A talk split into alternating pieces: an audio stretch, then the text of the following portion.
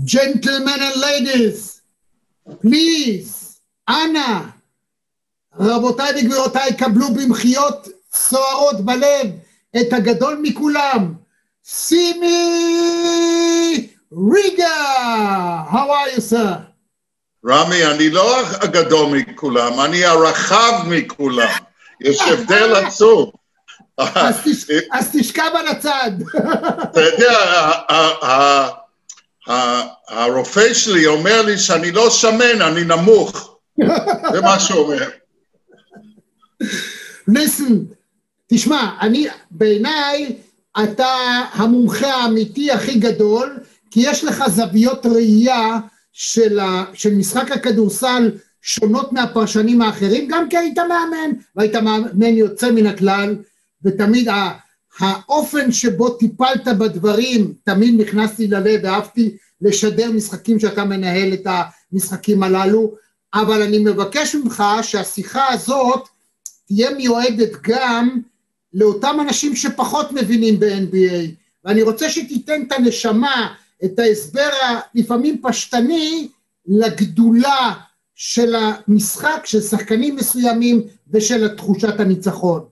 אז בואו נתחיל, קודם כל נגיד במשפט וחצי, לברון ג'יימס עשה את זה שוב, לקח את האליפות של ה-NBA הלילה הזה, הבוקר הזה, במשחק 4-2, זה לא היה sweep, זה לא היה 4-0, זה היה ככה גמר, סדרת גמר לגמרי נחמדה, ובוא תן לי summary, ואחר כך נדבר על אה, לברון ג'יימס ונשווה אותו למייקל ג'ורדן.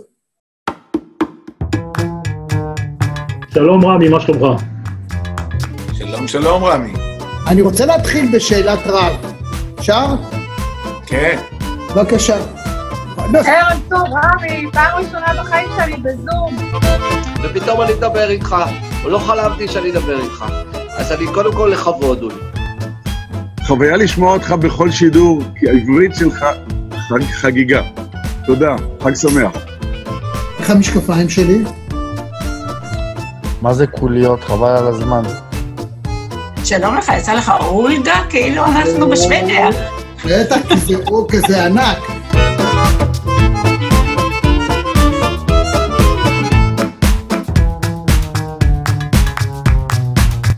רמי יצהר, הכבוד כולו שלי, תמיד תמיד חיבבתי, אהבתי והערכתי את העבודה המקצועית שלך, וגם בערב הזה כמו שאני אומר, האנשים הצעירים יש להם את הכוח, אבל אני יודע את הכיוון.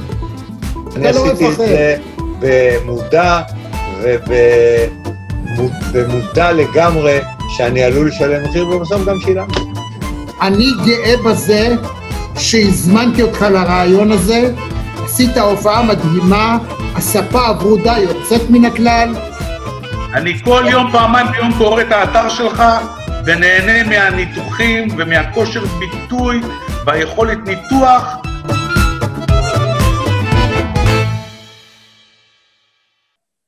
תשמע, מבחינת כישרון, הלייקרס היו הרבה יותר טובים ממיאמי.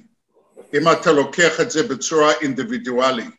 שתי השחקנים הכי טובים, שתיים מהשלוש שחקנים הכי טובים היו בלייקרס. בסדר? עם הרבה הרבה ניסיון של לברון. הכישרון שלהם והוותק שלהם עם רנדו וכל מיני שחקנים משנים היה, היה יוצא מהכלל. בצד שני, מיאמי היו עם ילדים, הירו, אסור לו לשתות בירה במיאמי עדיין, וריצ'רדסון רק התחיל, וכל מיני שחקנים שהרבה אנשים לא שמעו עליהם, וזו הגדולה של פאט ריילי במיאמי, שהם לוקחים שחקנים שאחרים לא סופרים, ויש להם אה, אופי של קבוצה מסוים. לא כל אחד יכול לשחק שם. לדוגמה, קח אותי, רמי. כל כן. שבוע שוקלים אותם ובודקים את אחוזי שומן שלהם. אם הם עוברים את מה שצריך להיות, הם מקבלים קנס. זה למה שחקנים כמו לברון יכול לשחק שם, שהם חולי כדורסל, ובוטלר, ואנשים אחרים שהם עצלנים ולא לא בדיוק אוהבים את המשחק כמו שצריך, לא יכולים לשחק שם. עכשיו בואו נעבור למאמנים. ספולסטרה, מאמן של מיאמי, הוא שם 25 שנה, 12 שנה בתור מאמן ראשי. הוא גדל במועדון הזה. הוא גדל בתור אחד שהיה אחראי על ה... על ה... scouting, על, על כל הדברים לאט לאט עלה למעלה ונהיה מאמן יוצא מהכלל וגם כן לא קיבל מספיק קרדיט אה, למאמן מצוין. בצד שני יש לך ווגל. ווגל זה בן אדם שאף אחד לא סופר אותו. מאמן מצוין. היה באינדיאנה, עשה עבודה יוצא מהכלל, הביא אותם להישגים בלתי יומנים.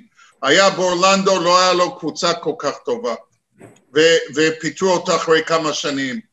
ובא ללייקרס, ודבר ראשון שהוא עשה, הוא דיבר עם לברון ועם כל, כל החבר'ה האלו, דיפנס. זה מה שינצח את האליפות, דיפנס. והוא באמת, הוא, היה, הוא גאון כדורסל. ואני אגיד לך משהו אחר, רמי. במשחק של שבעה משחקים, או לא חשוב, סדרה, מי מנצח ארבע ראשונים? זה משחק שח. זה לא כל, בין משחק למשחק, כל המאמנים עושים שינויים קטנים שעושים את ההבדל בין ניצחון והפסד. וזו הגדולה של שתי המאמנים האלו. היה כיף לא נורמלי איך לראות את זה. לדוגמה, במשחק האחרון, הוא הלך עם קבוצה נמוכה, ווגל, עם קרוסו, שהוא הוא, הוא היה שחקן מחליף, שיחק 15 דקות משחק, פתאום הוא עולה בחמישה ועשה עבודה יוצא מהכלל. שינה את הצורה של המשחק שלהם לגמרי. וזה הגדולה של מאמנים, וזה אתה רואה את השח, האינטליגנציה של השחקנים, גם אינטליגנציה של שחקנים, אל תחשוב שלהיות ברמה כזו, כמו לברון, להיות ברמה כזו, אתה חייב להיות אינטליגנט. ואני אתן לך דוגמה. אני מאוד קרוב לעומרי כספי. ועומרי כספי אמר לי שרונדו, ששיחק אותו בניו אורלינס לחצי עונה, הוא אומר לי, הוא השחקן הכי אינטליגנט שהוא פגש בחיים שלו. He has a photographic memory. יש לו זיכרון... זיכרון צילומי. זיכרון צילומי. למחרת שהולכים לזה, הוא אומר, ככה זה היה בהתקפה הזו, וככה היה בהגנה הזו, אחת, שתיים, שלוש. וראית את זה על המגרש, שהוא בעצם היה עוד מאמן על המגרש. וזה באמת היה כיף לא נורמלי. בצד שני, ראית צעירים, צעירים שהולכים להפוך לשחקנים גדולים, וזה הגדולה של ה-NBA. זה בלי שום צל של ספק חוויה. איך בכל זאת הקורונה, החצי שנה האחרונה השפיעה? מבחינת הרמה לפי דעתך, היעדר הקהל וכדומה? תשמע, יש חצי כוס מלא וחצי כוס ריק. עכשיו, הכי, הכי כוס ריק זה שאוהדים לא היו לדחוף את הקבוצות שלהם. זה אין בלוף.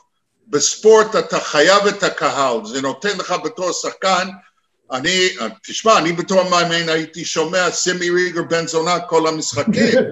לא, לא סתם, זה דרבן אותי לגמרי. אבל צריכים לזכור שזה דבר מאוד מאוד חשוב. וזה היה המינוס שלהם. עכשיו, הפלוס של, של הקטע הזה, זה שראית, אנחנו שידרנו את כל המשחקים בערוץ חמש. ראית שחקנים שלא הכרת לפני כן. ראית את השחקנים של דאלאס, של, uh, של, של דנבר, של מיאמי, של יוטה, שלא שידרו אותם כל, כל השנה ככה, וראית כוכבים פתאום גודלים מול הפנים שלך, וזה דבר מאוד מאוד גדול. עכשיו, להיות סגור במקום שלושה חודשים זה לא פשוט. אני בבית שלי, הבן שלי רובי שומר עליי. אני חמישה, שישה חודשים לבד לצאת לשידורים, לא יוצא בכלל. הוא לא מרשה לי לצאת כי הוא מפחד שאני בגיל 70, עוד מעט 75, רמי, אתה מכיר אותי כבר 30-40 שנה. כל הכבוד לרובי, רובי, תודה רבה. שמור לא עליו. רק זה, לא רק, לא, לא רק זה, רמי, הוא לא יוצא, כי הוא מפחד שהוא יקבל משהו וידביק אותי. הוא הולך לקניות בארבע בבוקר, שאין אנשים. זה באמת ברכה מאלוהים. תאמין לי, אני אומר לך בכל הרצינות, בא לי לפעמים לבכות, אבל תאמין לי, רמי, אין לי קירות בבית כבר. טיפסתי על כולם. אין, יש רק חדר אחד כל הבית. זה בלוטה, אבל זה משתגע.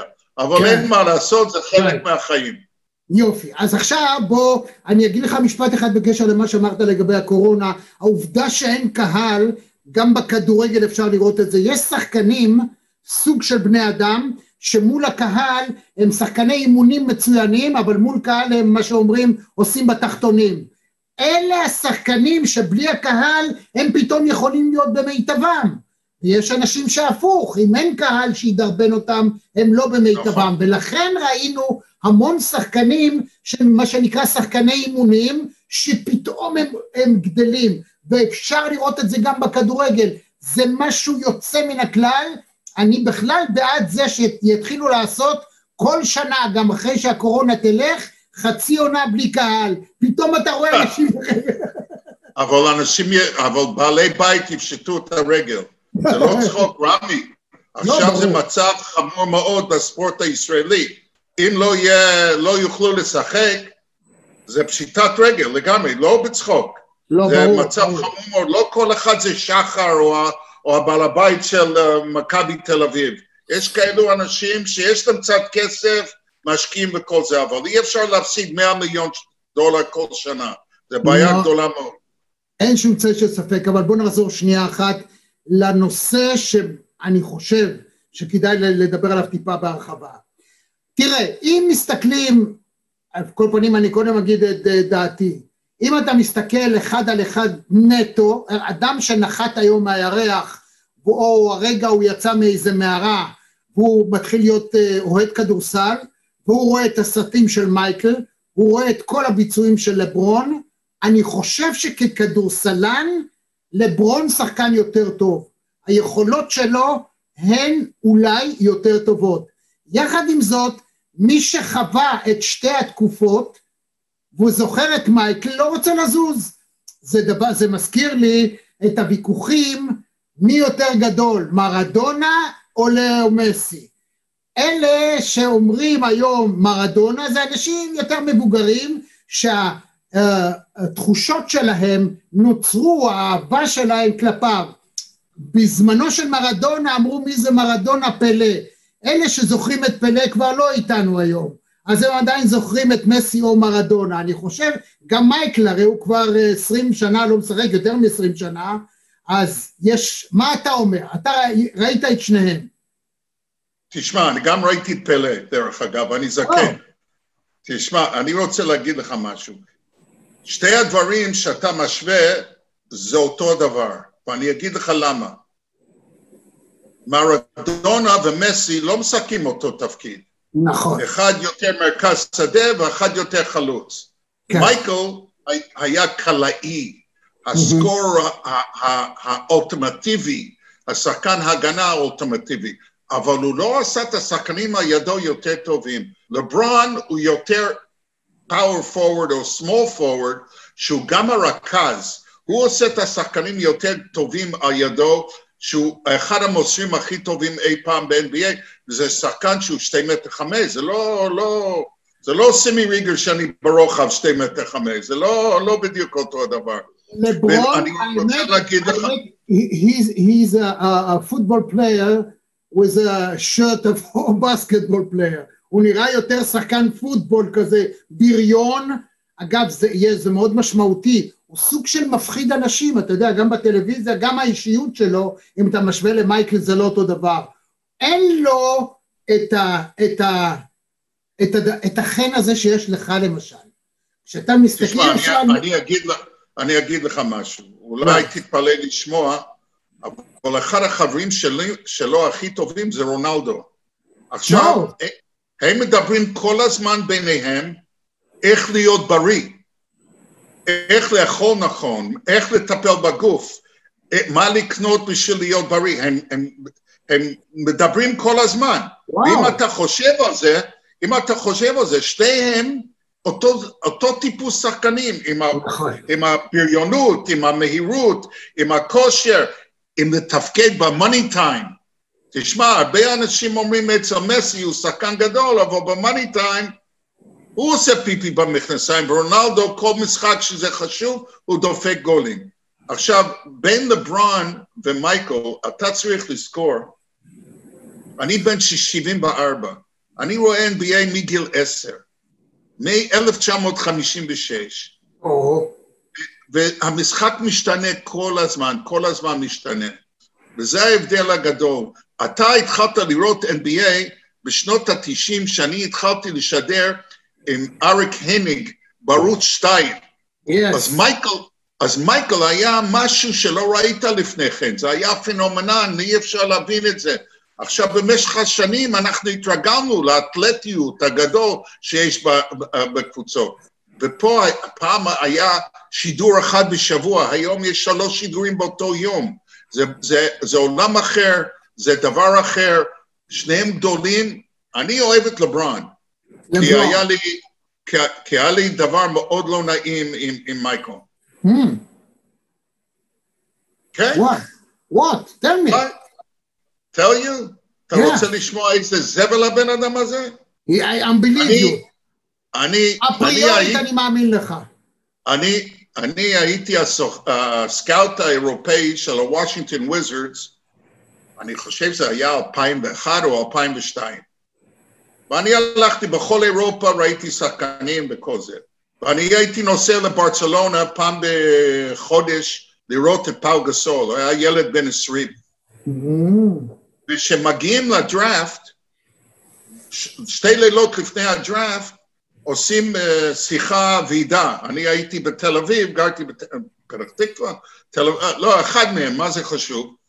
ואני דיברתי עם ה general manager, שזה היה החבר הכי טוב של מייקל, ומייקל היה שם, ואני אומר, מי בוחרים? אז הוא אומר לי, אנחנו בוחרים בקוואמי בראון.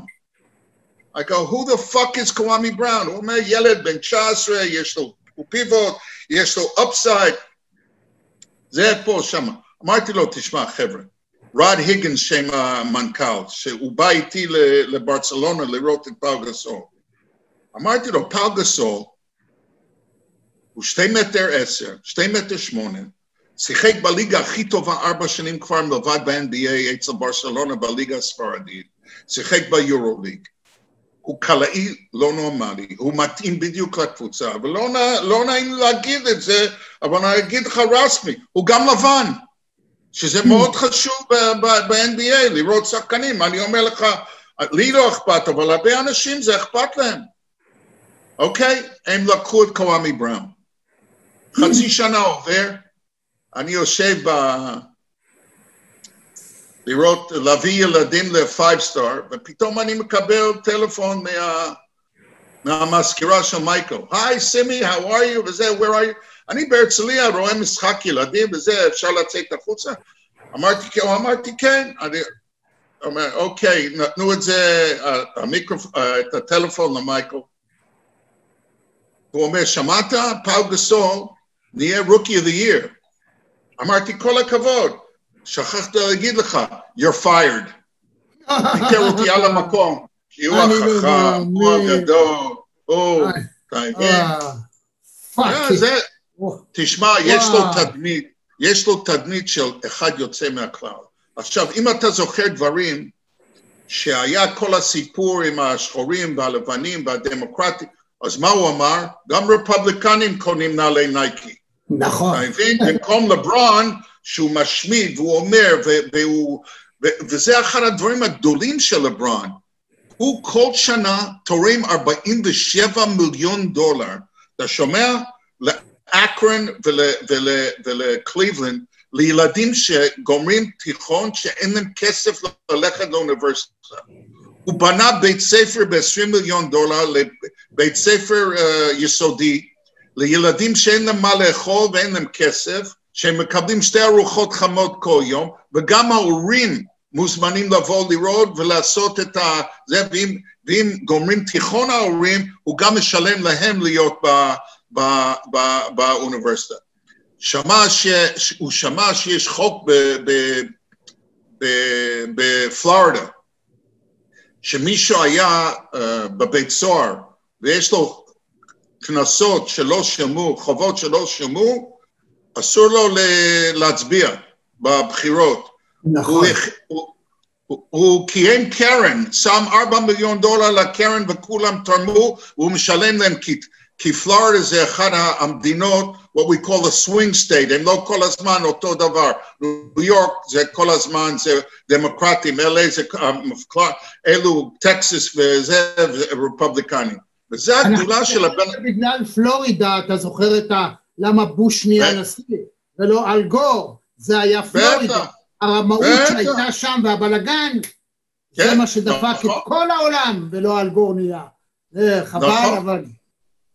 בסדר. אז עכשיו, רגע, אז אם ככה תסביר לי, איך מצליח אדם כמו מייקל ג'ורדן לעשות כבר 25 שנים אחרי שהוא הפסיק להיות כדורסלן, את הנייק אייר הזה, לעשות 150 מיליון דולר בשנה, רק מהדמות שלו? איך הוא הפך להיות לאגדה כזאת? תשמע, הוא אג- שמנציחה את עצמה. הוא אגדה. תשמע, אי אפשר לקחת את זה. הוא אגדה. אייל ברקוביץ' במדינה הזו הוא אגדה. מיקי ברקוביץ' במדינה הזו הוא אגדה. זה לא חשוב כמה שנים עברו. זה, זה, זה, יש אנשים שהם מסתכלים עליהם למעלה, שהם הדמות, הם, הם מה שהם רוצים להיות ב- בכל תחום, ב- לא חשוב באיזה תחום. ו- ואני, ו- ו- וזה בעצם מה שקורה. עכשיו, נייקי, יש להם שם טוב, והוא עושה דברים מאוד חדשניים כל הזמן, והוא הולך עם זה, והוא עושה את הפרסומת בשביל זה, והוא מגייס שחקנים להיות בנייקי, שכמו לברון וכל מיני, לא חשוב, כל מיני כאלו, וזה מה שמביא אותו לשם, ואנשים רוצים להיות uh, אצל הווינרס. אין שום צל של ספק. קודם כל צריך להגיד שמה ש, שהוא עשה, ובכלל להפוך את בגדי הספורט לבגדי יום יום שאפשר ללכת בערב לסרט, זה היה דבר unthinkable בשנות ה-80. אדם לא היה הולך עם נעלי התעמלות, מה שקראו לזה פעם, תאר לעצמך שמישהו היה בא לבית ספר, המנהל היה זורק אותו, או היה הולך ל- ל- ל- לחתונה, היום כל אדם יכול ללכת עם בגדי ספורט, עם טרנינג, no problem איתו.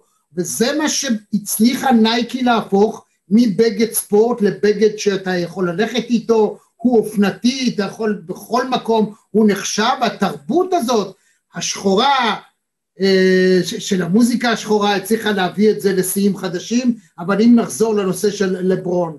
רגע, רגע, דבר- רמי, אני. רגע, אני רוצה להגיד לך משהו. תרים את הכובע שנייה. תרים את הכובע שנייה, אוקיי? מה שלברון עשה, הוא הפך את הקרחת למקובל בחברה. אתה מבין? הוא הפך, אף אחד לא הלך עם קרחת. היום אתה רואה אנשים שהולך עם קרחת, וזה דבר. וגם כן, לא רק זה, הוא הביא נשים ל-NBA. כי Mm. זה, הוא היה כמו ברישניקוב, שבבלט של הבולשוי בלט. הוא היה יפה לראות, הוא היה הוא חתיך, הוא, הוא, ידע, אני מכיר את המאמן שלו באוניברסיטה, זה דין סמית, היה, זיכרונו לברכה, היה חבר טוב שלי. הוא היה פה בארץ, אה. הייתי המתרגם שלו. כן, הגדול. הי- היינו חברים. ולא רק זה, מה שהוא היה עושה בנורת קרוליינה, זה היה מלמד אותם איך לדבר ל- ל- ל- ל- לתקשורת. זה לא איך להתנהג בפומבי, איך להיות דוגמה לילדים הצעירים, לא רק להיות שחקן גדול, וזה אחד הדברים הגדולים של מייקל, הוא היה דוגמה, ל, ל, ל, אני אספר לך סיפור אחר, אני לוקח כל שנה ילדים כבר מ-1989 למחנה בשם Five Star, איפה שגילו את מייקל, איפה שגילו את לברון. עכשיו הבנים שלו, הבנים שלו היו, באו לשחק שם. עכשיו, הוא לא היה חותם, אה, אה, איך אומרים, חתימות, אבל כל אחד שביקש תמונה איתו, הוא היה עומד ועושה תמונה. לאיזושהי סיבה הוא לא רצה לחתום, כי זה מתחיל להשתגע כולם אומרים. מישהו רוצה תמונה, הוא היה עושה תמונה. היה לו את זה, אתה מבין? היה לו את החן, החיוך. אבל אתה יודע, איש עסקים הוא ממזר. זה בסדר, זה לא... אני לא רואה את זה לרעה. אני עכשיו אבל כן הייתי רוצה שאם אתה יכול, ברשותך, הואיל ומייקל לא משחק, אז זה לא רלוונטי לצופים שלנו, למאזינים שלנו, תן בתור אה, למה שנקרא אוהד הליימן, שעכשיו הוא רואה אותו, הוא ייכנס ליוטיוב ויגיד, יכתוב לברון ג'יימס ורוצה לראות כמה מעללים שלו, מה הגדולה שלו? מה שאני רואה זה את היכולת שלו בו בזמן לראות גם מגובה הפרקט את מה קורה, ובאותה זמן גם לרחף מלמעלה ולראות כאילו מה קורה, הוא כאילו הדאון של עצמו, הוא הרחפן של עצמו, הוא יודע איפה להתמקם, איך למסור, מה לעשות, זה פשוט אני נדהם מהיכולות הקוגניטיביות שלו. תקן אותי אם אני אני טועה. אגיד לך, אני אגיד לך במונחים שאתה תבין.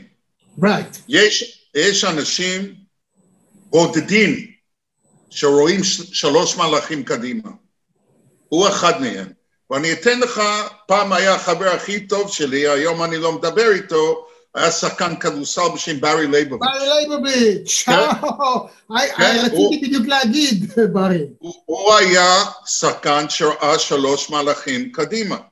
אייל ברקוביץ' בכדורגל רואה שלוש מהלכים קדימה. זה או יש לך, זה דבר שאי אפשר ללמוד, או יש לך, ואלוהים נתן לו נשיקה. זה כל הדבר. עכשיו, צריכים לזכור שהוא רואה מלמעלה, הוא שתי מטר ארבע, שתי מטר חמש, הוא לא אנוכי. הרבה אנשים יורדים עליו שהוא לא זרק בסוף המשחק החמישי את השלושה, אבל הוא השאיר מישהו לבד מול הסל. אי אפשר לבקש יותר טוב מזה. זה הגדולה של האנשים האלו, באמת, ובאמת, באמת, הוא לא אנוכי, והוא שחקן ענק, אני מאוד אוהב אותו, גם בתור מנהיג, מנהיג של, אה, של, של העולם. עכשיו, יונתן, הבן המוגבל שלי, איזה מוגבל, אומר, מתוק, מתוק, מתוק, הוא מתוק. מתוק, אבל ילד, ואם אברהם תשמע, מצוין, איש אם תקשורת. תשמע מה. שהוא אומר, תבין שהוא מוגבל. תשמע, הוא אומר, ב-2028 לברון ג'יימס יהיה נשיא ארצות הברית, וסטיב קר יהיה סגן, נשיא ארצות הברית. הוא ייקח את סטיב קר? כן, בתור סגן נשיא ארצות הברית. why not? כן, I agree, I agree 100%, זה יהיה הרבה יותר טוב ממה שקורה עכשיו. תגיד, מה אתה יודע אגב על באמת ככה מאחורי הקלעים אולי, על היחסים בין לברון לבין המאמן הישראלי שבסוף דיוויד לא, לא, זה לא הסתדר לו בסוף כל כך? אתה יכול... תשמע, דיוויד, דיוויד, לדעתי הוא עשה טעות, ואני חושב שהוא מבין את זה. הוא היה צריך ללכת להיות עוזר מאמן שנתיים, שלוש, הוא היה כבר חתום בגולדן סטייט אצל סטיב קר בתור עוזר מאמן לשנתיים, שלוש, ואז ללמוד את NBA, זה משחק אחר לגמרי. זה, זה אנשים אחרים. אתה יודע, באירופה המאמן קובע והשחקנים רצים. ב-NBA השחקנים קובעים והמאמן רץ. זה בכל ה-NBA. לא, לא, באמת, באמת, אה, אה, זה, זה הבדל עצום. אתה יודע מה? יש בודדים, יש בודדים כמו ספולסטרה, ש, שפאט ריילי מאחריו, הנשיא המועדון איתו וזה, אבל כל היתר הולכים עם הכוכבים שלהם. לא יעזור שום דבר. ובאמת, זה, זה, בעיה, זה בעיה גדולה מאוד. ודייוויד לא היה מוכן מבחינת להיות מוכן ל-NBA. עכשיו, לא, זה הבשה... אישיות, זה מבנה? אישיות. זה לא משנה כמה שנים הוא היה ישר. אדם שמבחינת מבנה האישיות שלו קשה לו לתת את השרביט לידיו של שחקן, אז, אז, אז קשה. אתה יודע, אתה, אתה אימנת לא, את ברי ליבוביץ', רק שנייה, אתה, אימנת את ברי ליבוביץ' והזכרת אותו. ברי ליבוביץ', הגדולה שלו הייתה, חוץ מזה שהוא ראה מהלכים, היכולת שלו למסור מסירה בדיוק של, אה, אני יודע, להפיל גפרור ממרחק של, אה, אני יודע, חצי מגרש. אם הוא רצה להכשיל שחקן שלו שהרגיז אותו, הוא היה מוסר לו את הכדור ככה, שעובר מילימטר מהמקום שהשחקן שהוא מסר לו מגיע, ותמיד קיללו את זה שלא עצר את הכדור. הוא אומר, תראה איזה מסירה הוא נתן לך. הוא היה ערמומי, הוא היה שחקן שהוא לא, הוא לא שפט טוב לב, מה שנקרא. לעומת זאת, הלברון, הוא תמיד רוצה לעזור, קודם כל טובת הקבוצה לנגד עיניו, וזה עניין של מבנה אישיות, לא?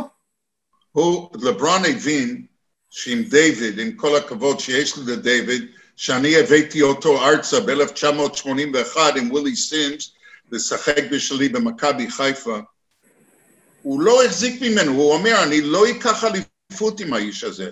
לא שיש לי משהו נגד, נגד דיוויד, אבל זה עכשיו, להגיד לג'יי אר סמית וכל הזה, ש, שדייוויד בוגר פרינסטון, הם אומרים, איפה?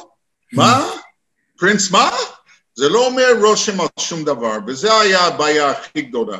תשמע, הוא היה צריך ללמוד את ה-NBA לפני שהוא היה קופץ למעלה, אבל קשה מאוד להגיד לא לשלוש וחצי מיליון דולר לשלוש שנים. זה עשר וחצי מיליון דולר. I understand what you're saying, but I, אני חושב שזה עניין של דורות. זה לא סתם שרוב המאמנים הוותיקים, אפילו אצלנו, יום אחד נגמר להם הסוס. מפני שהשחקן של היום הוא לא השחקן של פעם. איך דוביד היה אומר, המאמן צודק גם כשהוא לא צודק, או, או שלוימי אמר את זה. זאת אומרת, המאמנים של פעם, כשאתה היית אומר, אז אתה אמרת, אתה בעל הבית. אותו דבר מפקד בצבא. כשאני הייתי נותן פקודה, אני לא הייתי צריך להסביר אותה. כשאני נותן פקודה לחיילים צעירים, הם, אם, הם, אם לא מקבל את מה שאני אומר, הוא לא מבין את זה, בסנס שלו, הוא, he will ask you why, why should I do that?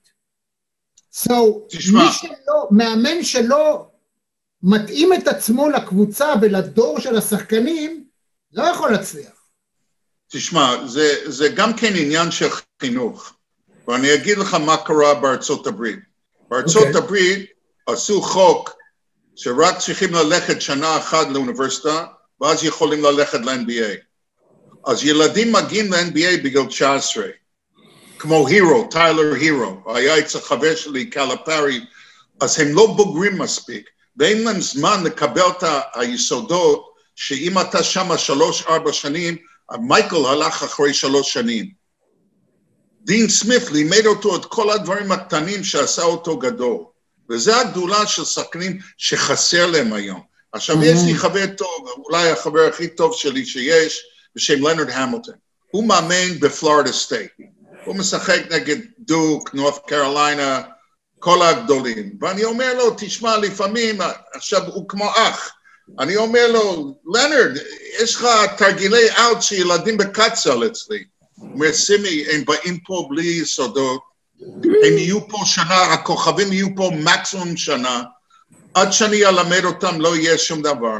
וזו בעיה גדולה מאוד, אני צריך להתאים את עצמי לזמנים שיש, וזה מה שקורה היום, כמו שאתה אומר.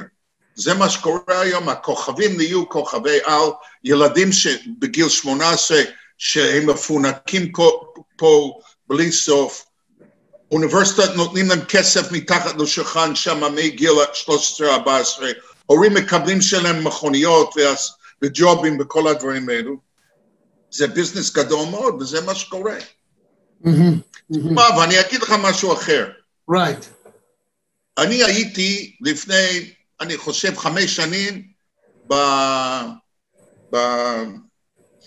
בכנסת. היה פגישה של כל המאמני, הרבה מאמני כדורסל, והראשי של הכנסת, ועסאווי פריג' וזה שהוא היה שחקן כדויד, שכחתי איך קוראים לו, הרוסי הזה, והיה משטרה והיו עוד כמה. עכשיו התחילו לדבר על, על, על, על, על זה ופה ושם, ו- והתחילו לספר משטרה ועניינים וזה ופה, וכאלה. אמרתי להם, אז אחרי שעה ורבע שלא דיברתי, עיסאווי פריג' אומר לי, סימי, לא מתאים לך, אתה שותק כל הזמן. אמרתי, אתם מדברים שטויות, למה להפריע לכם? אתם מדברים משטרה, אתם מדברים... אתה יודע כמה מאמן נוער מקבל בכדורסל? אם הוא מקבל 5,000 שקל ברוטו, זה, שק... זה, זה הרבה כסף. זאת אומרת שאם הוא נוסע 20 קילומטר ו-20 קילומטר חזור מהבית שלו, הוא משלם בשביל לשחק. והיום שיהיה קריטריונים שמאמן, גם במחלקת נוער של הכדורגל, שיקבלו 15,000 שקל נטו, נערים 10, אתה מבין? שיקבלו כסף שאנשים בגיל שלי רוצים לבוא, אחרי שגמרנו קריירה של, של זה, יבואו וייתנו חזרה ל, ל, ל, ל, לילדים, למשחק, להכשיר מאמנים אחרים. הוא לא האמין לי. הוא לא האמין, צביקה שרף קם ואומר, תגיד, אתה לא מאמין לו? שימי נחמד. יש מאמנים שמקבלים 1,500 שקל שמאמנים קצר. הם משלמים 3,000 שקל לאמן. על מה אתם מדברים? זו הבעיה הגדולה.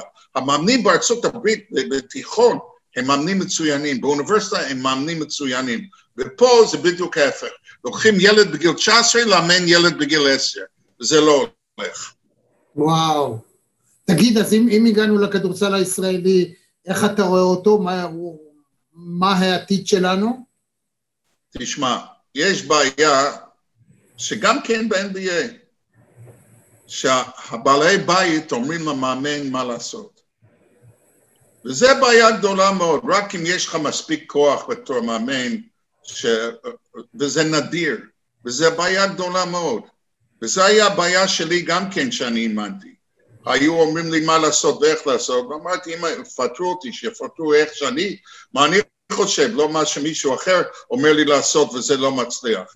וזו בעיה גדולה, בעל המאה רוצה להיות בעל הדעה, וזה גם בכדורגל, אתה רואה את זה רוב הזמן באשדוד, לדוגמה. אתן לך דוגמה שזה בולט. היום אתה רואה את זה גם כן בבני יהודה, שהוא מפטר את זה כי הוא הביא שחקנים שלא מתאימים בכלל. אתה מבין? זה, זה דברים שקשה להבין אם אתה, אם אתה מבחוץ. ויש מאמנים שמוכנים שידרכו עליהם, ויש כאלו שלא. אז הכן בפנים, והלא בחוץ. כן, אני מבין את מה שאתה אומר. למרבה הצער זה גם מוריד את הרמה והתוצאה היא לא טובה, וכשמביאים מאמן זר, בגלל זה יש בעלבתים שלא רוצים לשמוע על מאמן ישראלי, מביאים, צריך להגיד לבוס של מכבי תל אביב, בכדורגל שהוא יודע מה הוא עושה, והוא נותן. וגם במכבי, עם כל השנים הקשות שהם הביאו את וויצ'יץ' ואמרו, אתה בעל הבית, נתנו לו לעבוד. אז לטוב או לרע, לפעמים אם מצליח או לא, אבל כל הכבוד, צריך להגיד את זה, לא? תש- תשמע, בוא ניקח את בכר. הוא מאמן טוב? אני חושב שהוא מאמן מצוין. I don't know, I don't know. אני חושב שהוא מאמן מצוין. הוא לקח שלוש אליפויות עם באר שבע, נכון? כן. ופתאום, ופתאום אלונה התחיל להביא את השחקנים. אתה, אתה מבין מה שאני אומר לך? אז הוא היה צריך אלונה הביא ללכת, את השחקנים, אז הוא היה צריך אז זה לא ללכת, התאים לו. אז הוא היה צריך ללכת. הוא הלך. לא, הובילו אותו, הוליכו אותו אחרי כמעט, כמעט עונה שלמה רעה מאוד. אם אתה, אתה יודע מה? אלישע לוי עשה נכון. הוא נכון. אמר, אני, אם זה לא, לא מתאים לי, והלך. נכון, נכון, מסכים איתך. כן, תשמע, אני, לא רק המשכורת קובעת, ואלישע, המבחן של, המבחן של ברק היום זה במכבי חיפה, כי מכבי חיפה מבושלת בשביל לקחת אליפות.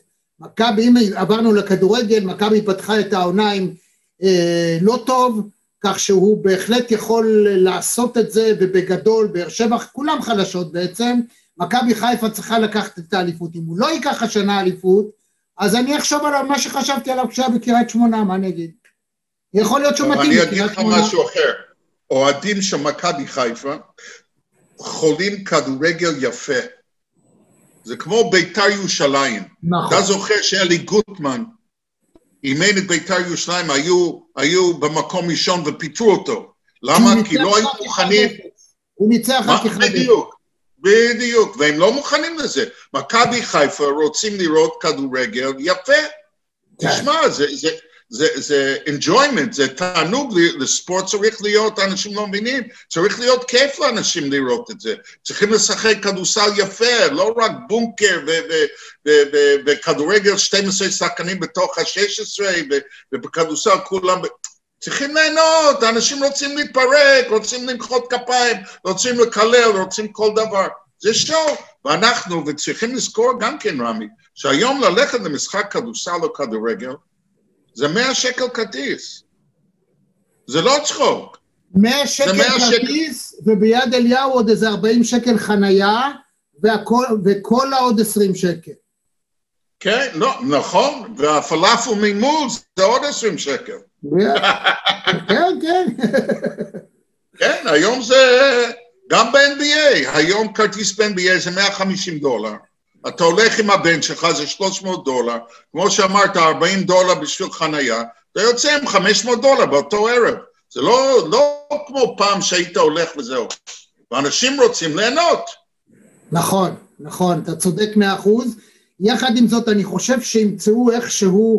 כיוון שהקורונה לא הולכת להיעלם מחר, ויש אומרים עוד תהיה הרבה זמן, ייקח זמן עד שהקהל יסכים לחזור, זאת אומרת גם עדיין החשש, אתה יודע, ככל שעובר יותר זמן ומתרגלים לראות מהבית, ישקיעו את הכסף בלקנות מסך יותר גדול, עם סראונד, עם מיוזיק, עם, עם הסאונד, ואתה יודע, וירטואלי, היום יהיה משקפיים עם כובע. אגב, אתה, אתה יודע למה אני יושב עם הכובע הזה ולא כובע של LA? בגלל הניקס. בגללך, בגלל שהם... כן, בגלל הניקס. נו, אתה יודע, זה, זה מדהים, רמי. הניקס לוקחים אליפות כל שנה, אבל לא, לא מודים את זה לציבור, לא אומרים לציבור. זה בלתי יאומן. אבל אני לא מסכים איתך. אני חושב שבגלל שאין קהל, הקהל עוד יותר רעב ללכת למשחקים. נכון. אנשים, אני בערוץ הספורט, אני יושב, ואני יושב לפעמים עם יונתן כהן, הוא משתגע. הוא נכון. משתגע, הוא אומר, כל החיים אני רואה כדורגל, הולך ביום שישי, אני משדר כדורגל. זה לא אותו דבר, אני הולך עם שליימי לשדר משחק, ויש ארבע ציפורים ונחש אחד ביציע, וזהו. אנחנו. רגילים, וזה בעיה גדולה מאוד, אבל לא נצא לסגר עד אחרי שיהיה המשפט של ביבי. no politics in, in this session, please. יש לי כאן, בתוכנית הזאת, אגב, תעשו לייק ותמיד תקבלו את הסקופ הבא, רמז לסקופ הבא, ואתה יודע שכאן אצלי אני הערכתי פרופסורים ואלופים ושופטים, אלופים בצבא, ואנשי מו- מוסד, ואנשי זה, ואנשי זה, וכל מה שאתה רוצה, ומוזיקאים, והאחרון אגב לפניך, ירון, ירון לונדון, כל מיני אנשים מהסוג הזה מדהימים. איך אתה לוקח אותי אחרי יולון לונדון? הוא- הוא- הוא גאון. רגע, יולון ו- לונדון זה גאון.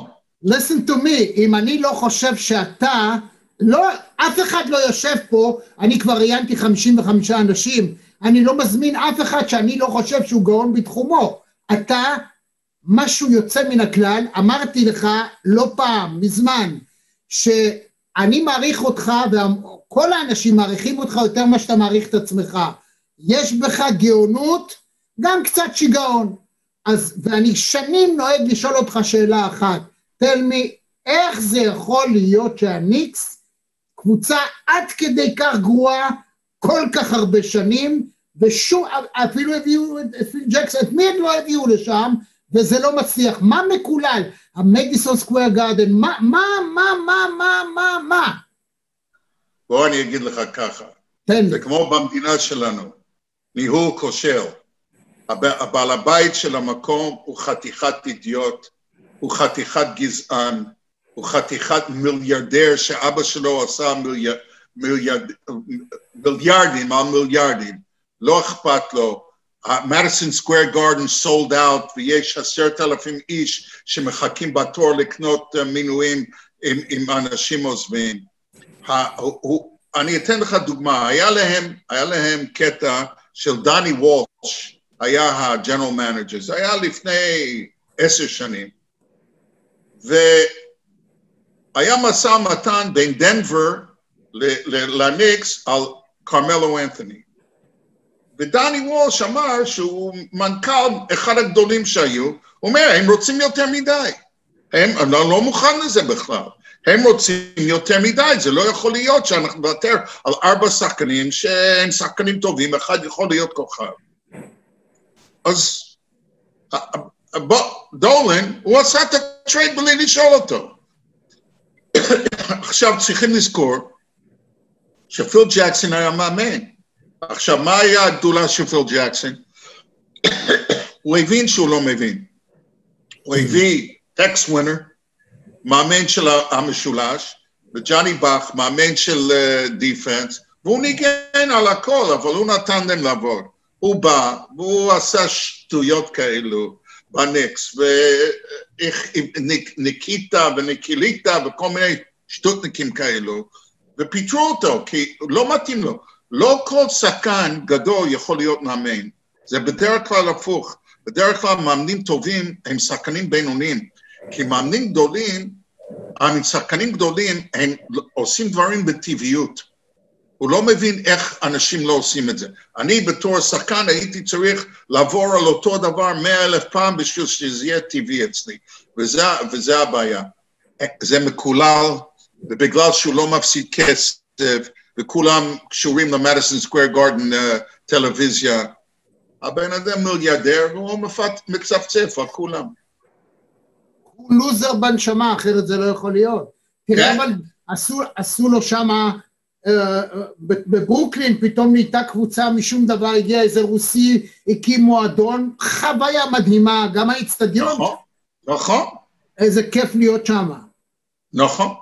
רייט, right. אתה אמרת בתחילת השיחה שלנו שבאמת אה, בהמשך יהיה קצת מייאש, והגענו לנקודות של הייאוש, אז בוא נגמור, נסיים עם משהו ככה אופטימי. תן, תן משהו אופטימי, סימי, כמו שאתה יודע. אוקיי, אוקיי. סיפור. רייט. נולד לרובי ילד בשם אור, לפני חודש, חודש וחצי. מזל טוב. הוא בא אליי יום לפני, ה... לילה לפני, ה... לפני הברית, הוא אומר לי, אבא, רסמי, אני רוצה שאתה תהיה סנדק. וואו. אני כל, אני כל כך התרגשתי, כל הלילה לא ישנתי. חשבתי על אבא שלי שהיה רבי, וסבא שלי שהיה דיין הראשי באירופה, וכל מיני דברים שבתיכון, איך קיבלתי מכות מכל הרבנים, והיה מגיע לי וכל זה. מגיע, ל, מגיע ל, ל, לברית, אני מחזיק את ה... 11 בבוקר מחזיק את הילד, המורה חותך לו את הזין, הילד מתחיל לבכות, אני מתחיל לבכות. הילד אחרי חמש דקות מפסיק לבכות, ואני ממשיך לבכות. הילד מסתכל, חמש דקות אחר כך, הילד מסתכל עליי ואני ממשיך לבכות. אז רובי צועק, אבא, מה קרה לך? אמרתי, זה מתסכל. הוא אומר, מה מתסכל? ילד בגיל שמונה ימים יש לו שפיץ יותר גדול משלי. ובזה אני משאיר אותך עם חיוך לא נורמלי, ולהגיד לך, זה היה כבוד בשבילי להיות בתוכנית שלך. רמי, שיהיה לך הרבה בריאות, הרבה שמחת חיים, רק דברים קטנים, ושנצא מהקורונה. ושמור על עצמך, סימי ריגר הגדול, I love you, thank you very much. My pleasure. ביי ביי. ביי ביי. עד כאן מהדורה נוספת של מרכזי TV. אם היה לכם כיף, אם נהניתם, אנא לחצו לייק וגם על הפעמון כדי לקבל רמז על המפגש הבא שלנו. אני רמי יצהר, להתראות. שלום רמי, מה שלומך? שלום, שלום, רמי. אני רוצה להתחיל בשאלת רב. אפשר? כן. בבקשה. ערב טוב, רמי, פעם ראשונה בחיים שלי בזום. ופתאום אני אדבר איתך, לא חלמתי שאני אדבר איתך. אז אני קודם כל לכבוד, אולי. יש דברים שהימין צדק, יש דברים שהשמאל צדק. מה שבטוח, הימין לא צדק בכל והשמאל לא צדק בכל. אז תעזבו את זה.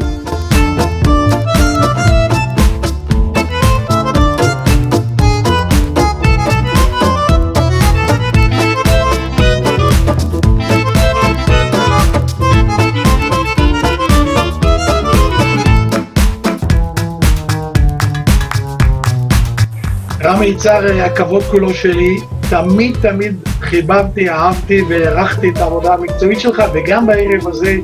כמו שאני אומר, האנשים הצעירים יש להם את הכוח, אבל אני יודע את הכיוון. אני עשיתי את זה במודע ובמודע לגמרי שאני עלול לשלם מחיר, ובסוף גם שילמתי. אני גאה בזה שהזמנתי אותך לרעיון הזה, עשית הופעה מדהימה, הספה הברודה יוצאת מן הכלל. אני כל יום, פעמיים ביום קורא את האתר שלך ונהנה מהניתוחים ומהכושר ביטוי והיכולת ניתוח